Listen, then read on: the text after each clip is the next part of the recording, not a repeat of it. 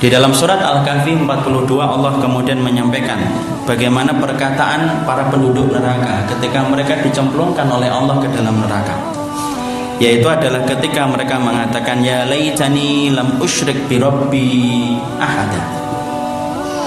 Para penduduk-penduduk neraka itu ketika mereka dimasukkan oleh Allah ke dalam neraka mereka mengatakan ya laitani lam usyrik bi rabbi ahada yaitu ya Allah cobalah dulu kami dalam kehidupan dunia ini kami tidak berbuat syirik kepada Rob kami sekalipun.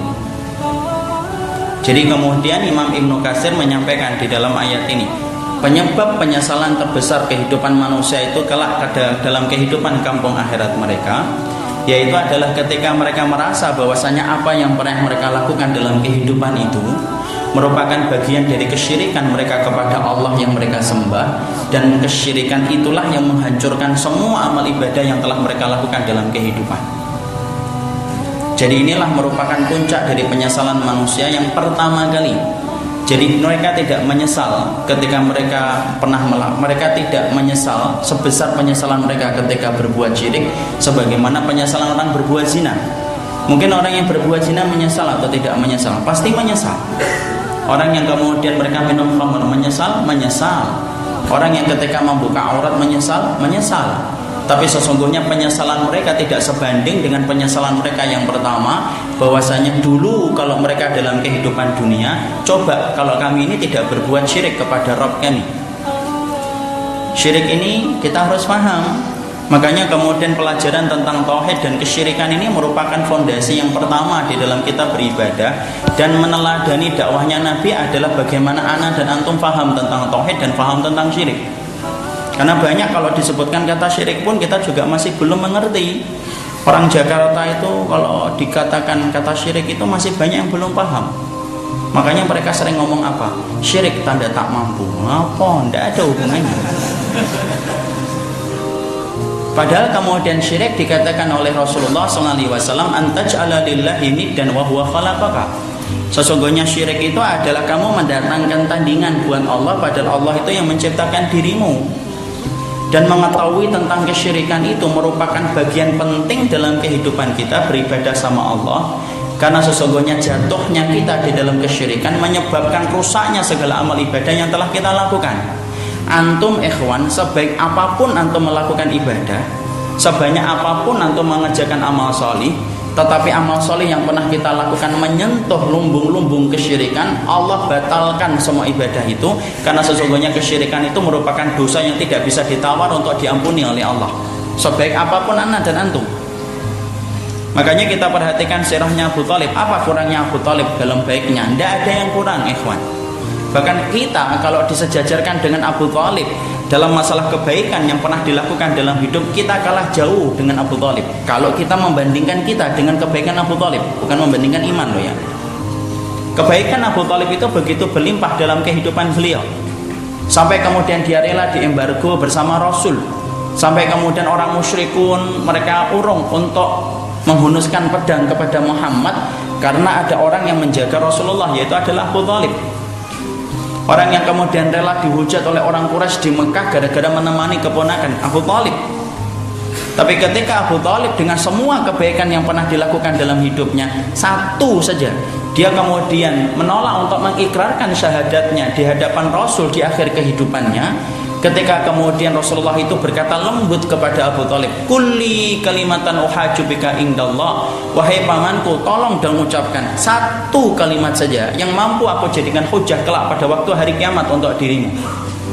Lalu kemudian ada Abu Jahal yang ada di sampingnya Abu Talib kemudian menimpali perkataan Rasul dengan berkata atarghabu millati abaina Abdul Muthalib eh Abu Talib emang kamu mau tinggalkan ajaran anak moyang kita farafadha. Dia menolak perkataan Rasul dan memilih apa yang disampaikan oleh Abu Jahal. Apa yang terjadi kepada Abu Talib? Apakah semua kebaikan Abu Talib itu mendapatkan api neraka? Tidak, ikhwan. Maka sesungguhnya salah satu ayat yang berkaitan erat tentang Abu Talib sebagaimana dalam surat Al-Ghasyiyah ayat yang ketiga dan ayat yang keempat. Yang rata-rata dihafalkan oleh anak-anak kita dan adik-adik kita. Di mana orang tuanya kadang-kadang tidak hafal. Amilatun nasibah tasla naron hamiyah. Berapa banyak orang yang mereka itu beramal di dalam kebaikan dan kepayahan Tetapi justru tidak mendapatkan surga Tetapi mendapatkan api neraka yang menyala-nyala Bukan karena mereka itu nganggur Bukan karena mereka tidak berimal Bukan karena mereka tidak berbuat kebaikan. Tidak, mereka beramal, mereka berbuat kebaikan Tapi ternyata ketika mereka melakukan itu Mereka mencampurkan dengan kesyirikan Bukan surga yang mereka raih Tetapi neraka yang mereka dapatkan Makanya syirik itu bukan perkara yang kecil. Makanya ada seorang sahabat yang ada seorang yang kemudian hidup hampir sama dengan kemudian Abu Thalib. Namanya siapa? Abdullah bin Jun'an. Abdullah bin Jun'an adalah orang yang terkenal dengan segala kebaikan-kebaikan yang dia miliki. Abdullah bin Jun'an. Sampai ketika dia meninggal dunia, para sahabat itu bersedih atas kematian Abdullah bin Jun'an. Kenapa? Karena kebaikan yang ditorehkan oleh Abdullah bin Jun'an dalam hidupnya. Hingga mereka ketika mendapati Abdullah bin Sutan itu meninggal dunia Mereka tanya kepada ibunda Aisyah Ketika mereka sungkan nanya kepada Nabi Dalam riwayat muslim Tolong tanyakan kepada Nabi Statusnya Abdullah bin Sutan itu gimana Kenapa? Abdullah bin Sutan baik akhi maka kemudian ibunda Aisyah memberanikan diri dan bertanya kepada Rasulullah tentang statusnya Abdullah bin Jutan. Ya Rasul, bagaimana dengan Abdullah bin Jutan? Yukrid doif. Dia adalah orang yang memuliakan tamu. Antum tidak pernah dapatkan orang Quraisy yang paling banyak memuliakan tamu dan paling top di dalam memuliakan tamu kecuali Abdullah bin Jutan salah satunya. Bahkan dalam beberapa kitabnya para ulama diterangkan sampai dia punya piring khusus akhi. Piring itu tidak boleh dipakai sama anggota keluarganya, khusus dipakai oleh tamu. Coba antum yang sudah belajar lama pernah nggak membeli piring khusus untuk tamu? Enggak. Tidak usah dijawab daripada jawabannya perih di hati saya. Dia itu kemudian sampai puna apinya puna khusus akhi. Piring itu tidak boleh dipakai kemudian anggota keluarganya kalau ditanya lima, kenapa nggak boleh dipakai? Ini khusus untuk kamu. Yuk ridwan, memuliakan kamu. Selesai? Belum. Ditambah lagi kemudian yang kedua, bagaimana kemudiannya silur rahim. Dia suka menyambung tali silaturahmi dan tidak suka mengumbar permusuhan sebagaimana permusuhan Abu Jahal kepada sahabat Nabi dan kepada Rasul. Abdullah bin Junan tidak semacam itu. Cukup? Belum. Kemudian apa? Kemudian yukrid doif. Kemudian yasilur rahim wa yafukul ani. Dan kemudian yang ketiga suka kemudian membantu setiap siapa pun yang datang membutuhkan bantuan maka Abdullah bin Jutan itu menempati soft yang pertama untuk membela dan membantu para sahabat yang membutuhkan itu Abdullah bin Jutan tapi ketika mata, ketika kemudian Abdullah Jun'an itu meninggal dunia, maka kemudian ibunda Aisyah langsung nanya kepada Rasulullah tentang status kematiannya Abdullah bin Jun'an. Kemudian Rasulullah menjawab singkat, padat dalam maknanya. Kemudian Nabi menyatakan, karena finnar. Sesungguhnya Abdullah bin Jun'an berada di dalam neraka. Kebaikannya hilang, tidak ada harganya. Digerogoti dengan sebuah rayap besar yang bernama syirik. Amal ibadah ikhwan ada perusaknya. Kalaulah kayu ada perusaknya yaitu adalah rayap. Kalaulah madu ada perusaknya yaitu adalah cuka. Kalaulah kemudian gula ada perusaknya yaitu adalah semut yang mengerubutinya. Wallahi sesungguhnya amal ibadah pun ada perusaknya. Sebagaimana wudhu bisa batal dengan antum ketut. Sebagaimana sholat bisa batal ketika antum ketawa. Amal ibadah pun bisa batal di sisi Allah dan tidak ada harganya ketika orang itu terselempet dengan masalah kesyirikan dan itu menyebabkan rusaknya semua ibadah yang telah dia lakukan dalam hidup. Makanya tidak main-main pelajaran tentang tauhid itu. Makanya antum kalau ngaji tematik khair baik akhi. Ana tidak sama sekali mau komentari bagaimana pengajian antum dalam tematiknya. Tapi pengajian kitab itu penting. Dan pengajian kitab yang paling penting pertama kali itu apa? Kita tauhid. Paham dulu tentang tauhid. Faham dulu tentang akidah dan berbagai macam konsekuensi yang terkandung di dalam masalah akidah dan faham tentang syirik.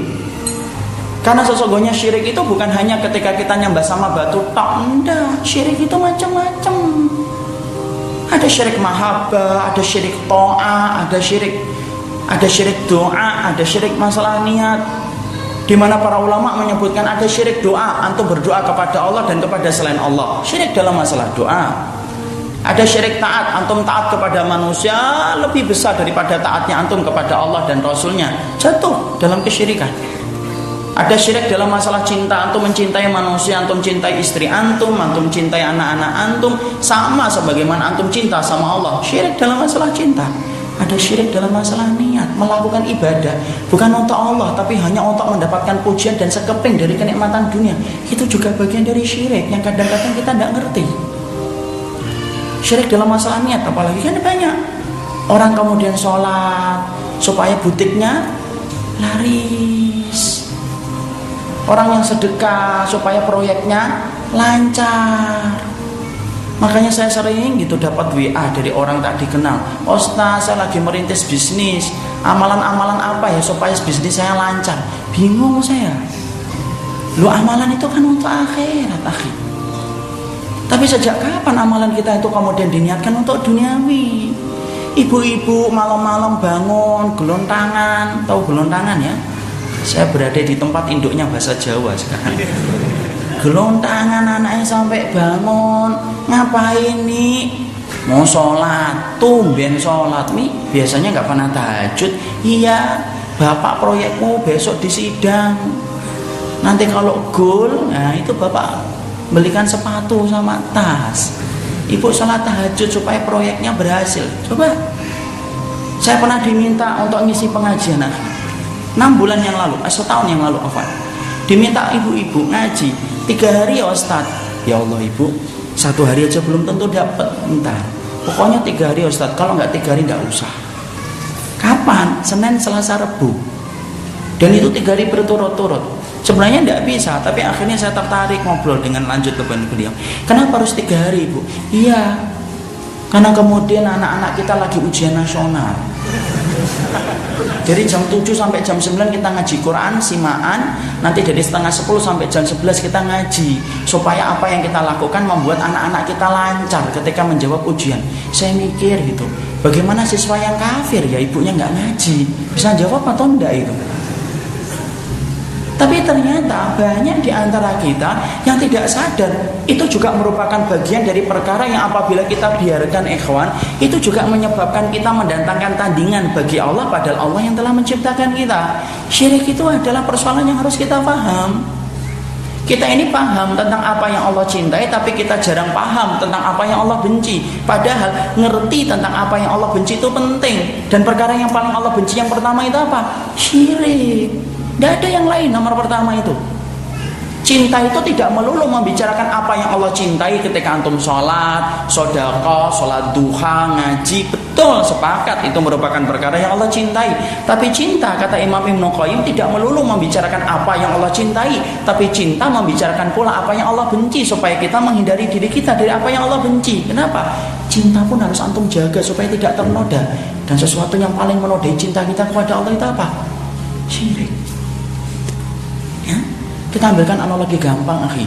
Bagaimana kalau membenci itu penting dan membencinya kita itu bukan karena nafsu, membencinya karena wahyu. Kita ini harus membenci, ikhwan. Dengan kesyirikan. Kenapa? Karena syirik dibenci sama Allah. Kalau antum tidak membenci apa yang dibenci oleh Allah, ternoda cinta kita kepada Allah, kata Imam Ibn Qayyim. Kita ambilkan contoh yang paling sederhana. Ana misalkan punya istri. Ketika baru nikah, istri saya nanya, makanan favoritmu apa sih? Mas mas. Kemudian saya jawab nasi gorengnya telur mata sapi setengah matang. Kerupuknya kerupuk udang insya Allah ya enak itu ya. kemudian istri ngerti buka dia menu masakan bagaimana cara untuk kemudian masak nasi goreng. Telur mata sapi setengah matang. Kemudian ketika sembari dia belajar dia kemudian nanya yang nggak disukai sama Mas Umar apa saya tidak suka kalau kemudian kamu keluar tanpa izin. Ke mana pun tolong ya keluar tanpa izin. Eh keluar izin. Ya, ke mana pun itu. Walaupun ke Indomaret, iya pokoknya izin. Kenapa harus izin? Karena saya merasa dihargai sebagai seorang laki-laki. Contoh, ya. Jangan kemudian mau curhat Ustaz. Yang tidak ada curhat, ini contoh. Ustaz tuh kadang-kadang kalau ngasih contoh tuh gitu Bisik-bisik apalagi yang ibu-ibu Ustaznya lagi curhat Padahal tidak curhat Ini contoh supaya kita paham analoginya ternyata kemudian istri saya kemudian buatin nasi goreng tuh akhi enak tapi seiring dengan waktu setiap saya mencicipi nasi goreng telur mata sapi setengah mata kemudian ternyata satu waktu saya tahu saya tiba-tiba dikabarin sama kemudian jamaah Ustaz, saya di sini ketemu dengan istrinya. Loh, di mana? Superindo. Loh, nggak minta izin ya? Saya cek DWA, nggak ada izin. Ustaz tadi saya ketemu istrinya di mana? Di pasar. Bingung saya. Apa yang terjadi kira-kira akhir? Kalau kemudian di esok harinya istri saya kembali memasakkan nasi goreng. Telur mata sapi setengah matang. Tapi setelah saya melihat bahwasannya dia sering keluar tanpa izin, maka kemudian kelezatan nasi goreng itu hilang. Saya akan ngomong apa? Din, din, lebih baik kamu buat nasi goreng tidak enak itu lebih lezat untukku. Tapi kamu tidak melanggar apa yang aku benci. Daripada kamu buat nasi goreng seenak ini tapi ternyata kamu bermain di belakangku. Tuh kan ketawa lagi. Di situ kita paham, akhi. Itu contoh yang gampang. Banyak orang itu selalu memperhatikan apa yang Allah cintai. Imam Ibnu Qayyim dalam kitabnya Raudhatul Muhibbin menyampaikan, banyak orang itu senang membicarakan apa yang Allah cintai tapi tidak siap untuk membicarakan apa yang Allah benci. Padahal itu satu kesatuan yang nggak bisa kemudian terpisahkan, akhi. Coba kita bayangkan eh, akhwat tadi. Dia kemudian suka masak nasi goreng tetapi keluar tanpa izin. Lama-lama suaminya itu tidak lagi bisa menikmati nasi goreng itu.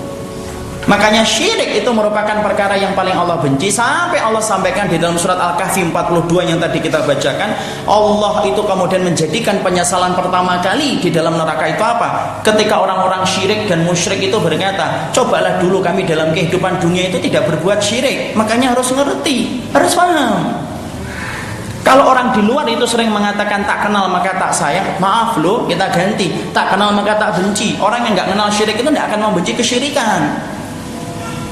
Bahkan kemudian meridhoi kesyirikan itu dengan berbagai macam dalil dan pembenaran. Oh, tidak apa-apa. Yang penting begini, yang penting begitu.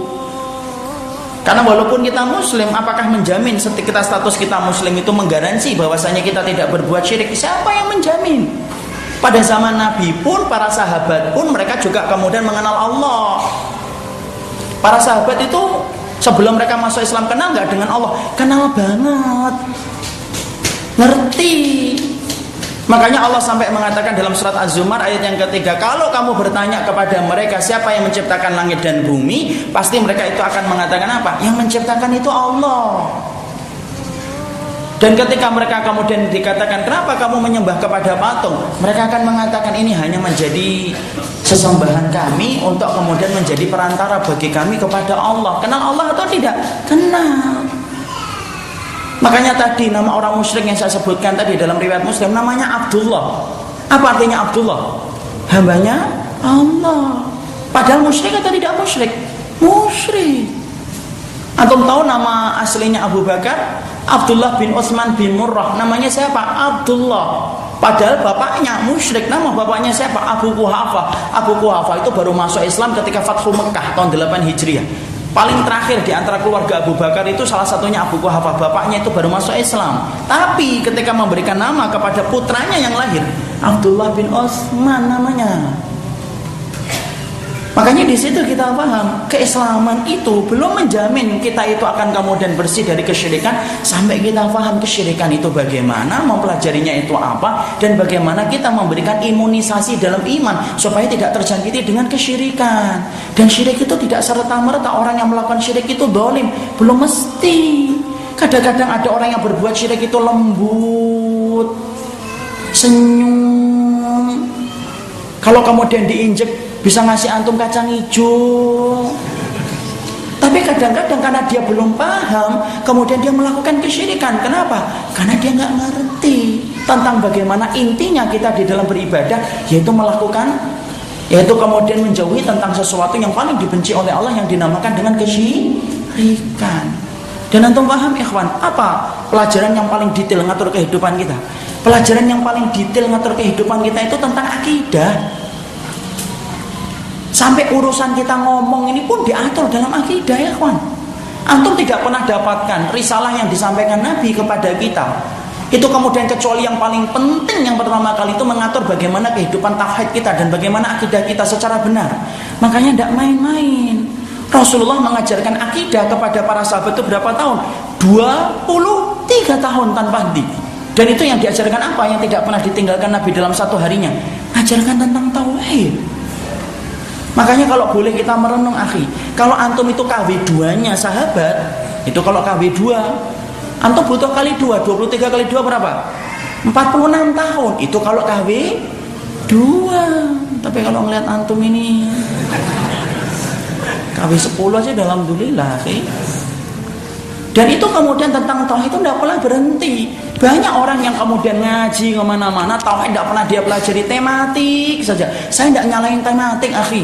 Karena pelajaran kita hari ini pun tematik tapi selain pelajaran ini pun antum harus memiliki tentang satu panduan tentang kitab tauhid. Antum pelajari dari halaman pertama sampai halaman yang terakhir karena kita khawatir kalau tidak paham tentang ini bisa jadi kita itu akan jatuh dalam kesyirikan. Padahal fitnah paling besar di akhir zaman itu apa? Bukan fitnah, syirik. Fitnah yang paling gede di akhir zaman itu. Dua itu baru fitnah.